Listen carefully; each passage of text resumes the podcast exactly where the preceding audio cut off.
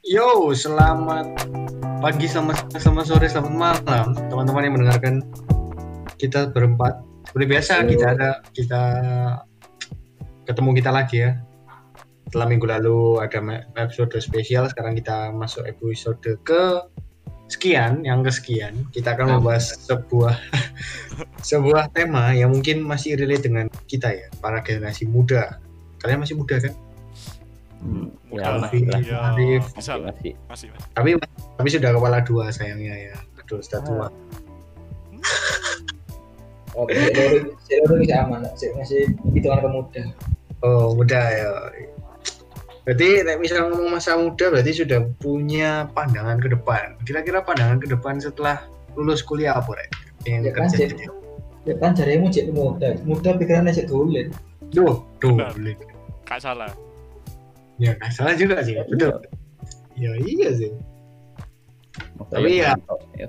Mungkin kita sebagai generasi muda sudah mempersiapkan eh, rencana-rencana untuk menempuh eh, hidup di kemudian hari gitu kan. Nah, di sini teman-teman sudah punya ada gambaran setelah lulus kuliah mau eh, mau ngapain? Ngapain ya? Kerja, Kerja. KTS 2. Hmm, kerja, kerja.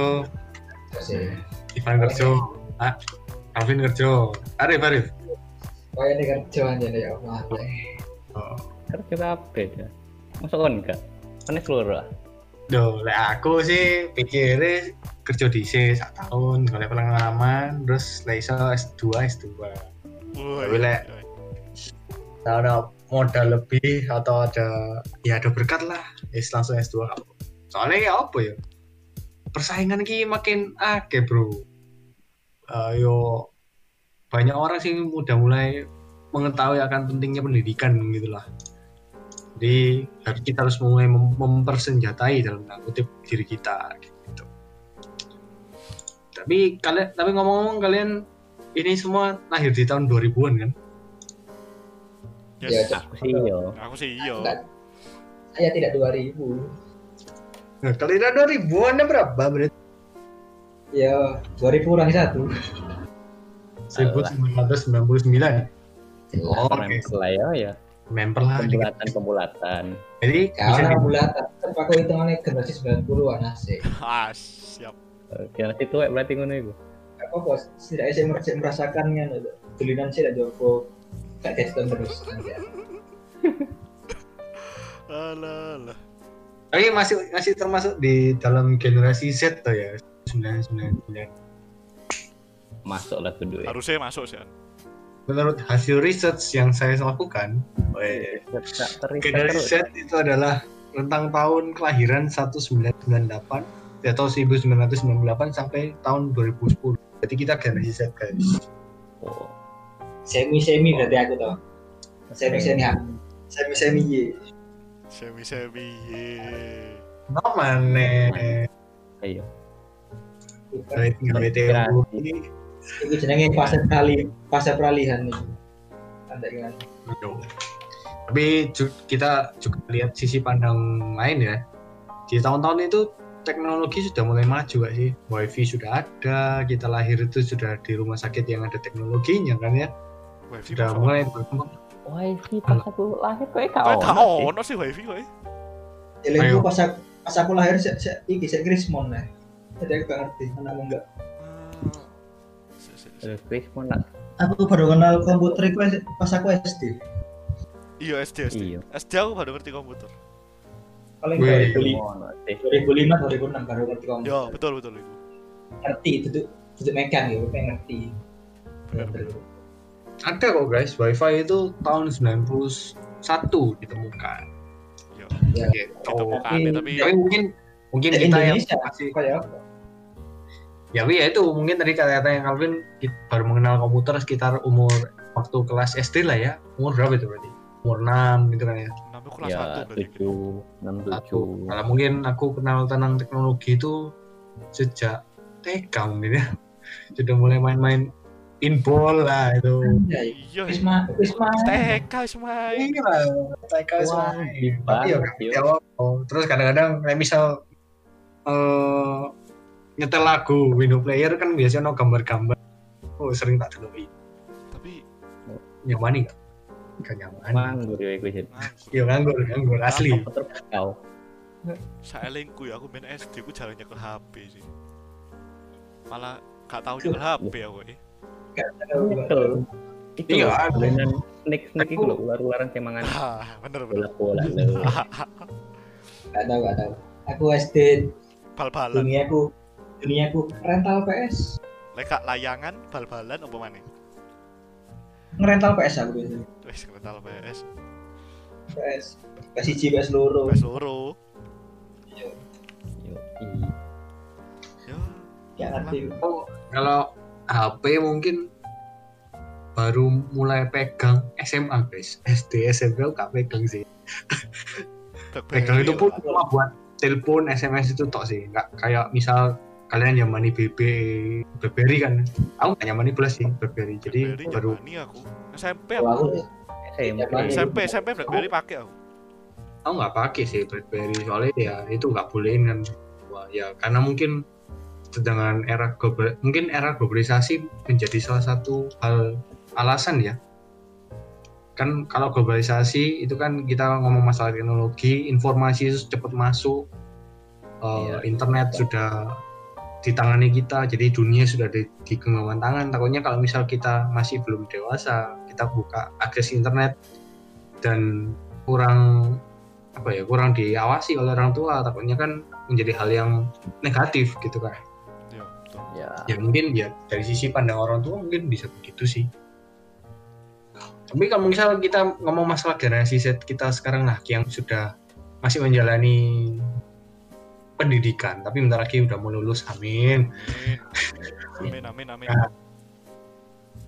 eh apalagi kita masih lagi masa pandemi tidak mungkin lepas dengan adanya teknologi kan ya teknologi kita mempertemukan dari mem- mempertemukan antara kita ini dari jarak-jarak yang jauh jadi video call terus eh, conference meeting online ya, kayak gitu Betul. Iya. tapi, tapi eh, tak lihat juga mu- mungkin perdagangan sudah mulai jalan dengan adanya internet ini ya. Jadi kayak misal toko-toko online, terus jual sampai luar negeri, itu betul nggak sih?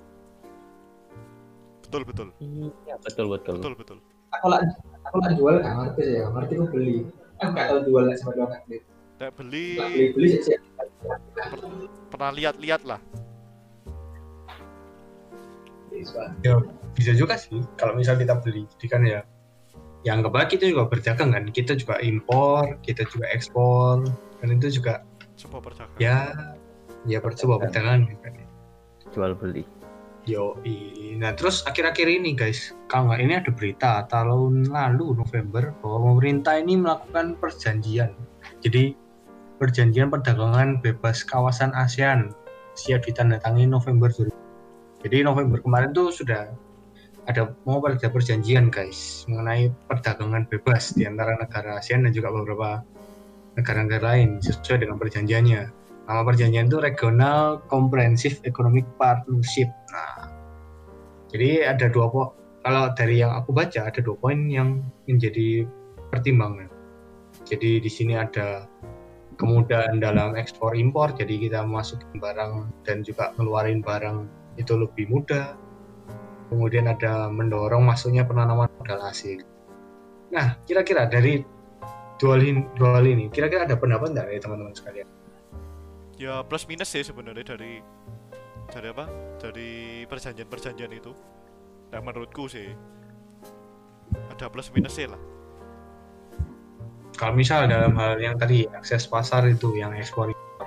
ini kan kalau eks- ekspor impor kan juga termasuk dalam hal globalisasi kan ya kita juga kita misal pesan barang lewat internet kita mau kirim barang juga eh, koordinasi lewat internet komunikasi lewat internet gitu kan ya gimana Bang? menurut teman-teman apakah itu memudahkan atau eh, em, sorry memudahkan itu menguntungkan untuk kita atau eh, gimana?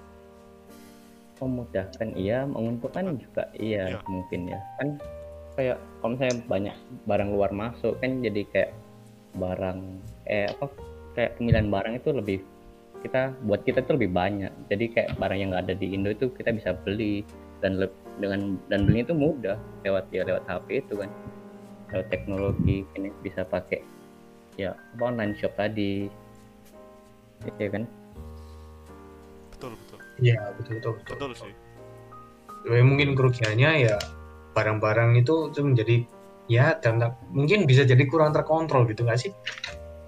Semakin banyak kita semakin konsumsi konsumtif juga bisa gitu kan ya? ya betul sih tapi ya konsumtif ya tergantung dari orangnya sih lah ngomong Hmm. tapi ya Ya. barang luar siapa sih nggak tergiur dengan gampangnya dengan gampang dengan mudahnya membeli barang luar jarang orang sih nggak tergiur apalagi barang sih nggak ada di Indo iya tuh kok ngono sih Oke oke. oke.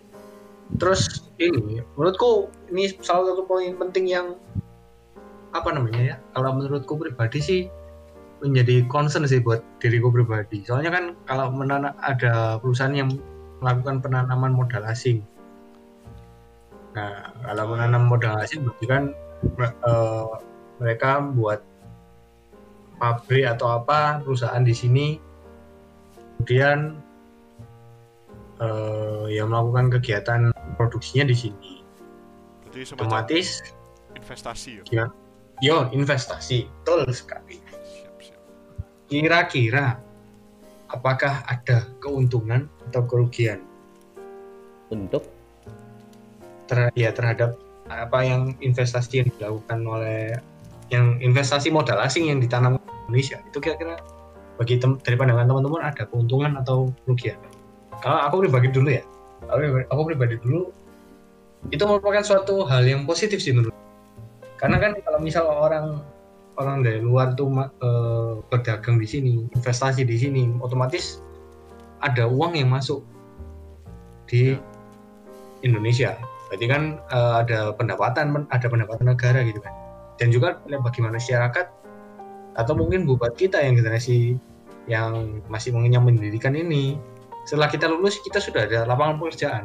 Oke sudah siap semuanya ada lapangan pekerjaan kita tinggal eh, mempersiapkan diri mempersenjatai dalam tanda kutip untuk bersaing atau masuk di perusahaan tersebut dengan ya dengan ilmu yang kita punya gitu. Kalau dari teman-teman lain gimana?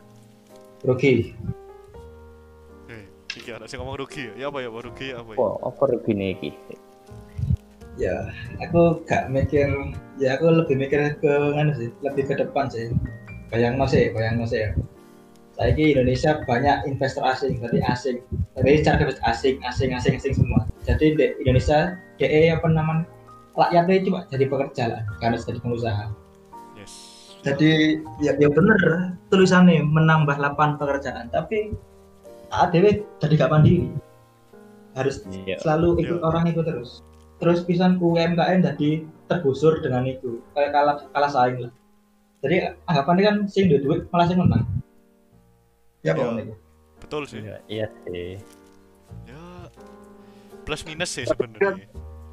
Kira-kira apa yang membuat kayak misal mereka itu eh, mungkin kita ya kayak kita itu kalah bersaing dengan orang-orang yang datang gitu? Menurutmu piye Rif? SDM SM. SDM SDM Indonesia kayak menurutku ya sih masih kalah level kualitas. sama sama orang luar itu. Kualitas SDM sih. Ada pun sing berkualitas tetapi itu ya mungkin lebih ya apa ya lebih milih ya, dah itu ke luar negeri lah ke mana lah nggak gelem menanamkan model itu di negeri sendiri. Jadi ini ya lama kelamaan Indonesia dikuasai asing. Rakyatnya cuma jadi pekerja apa bedanya kalau sing biar kini eh, kena, kena jajah. Secara gak langsung kena jajah sih secara gak langsung sih lek ngomong. Iki ngomong harapan pelan secara pelan-pelan. Perlahan. Secara halus secara halus. Kalau dari Calvin dan Ivan mungkin mungkin ada pendapat lain. Ya sebenarnya plus minus.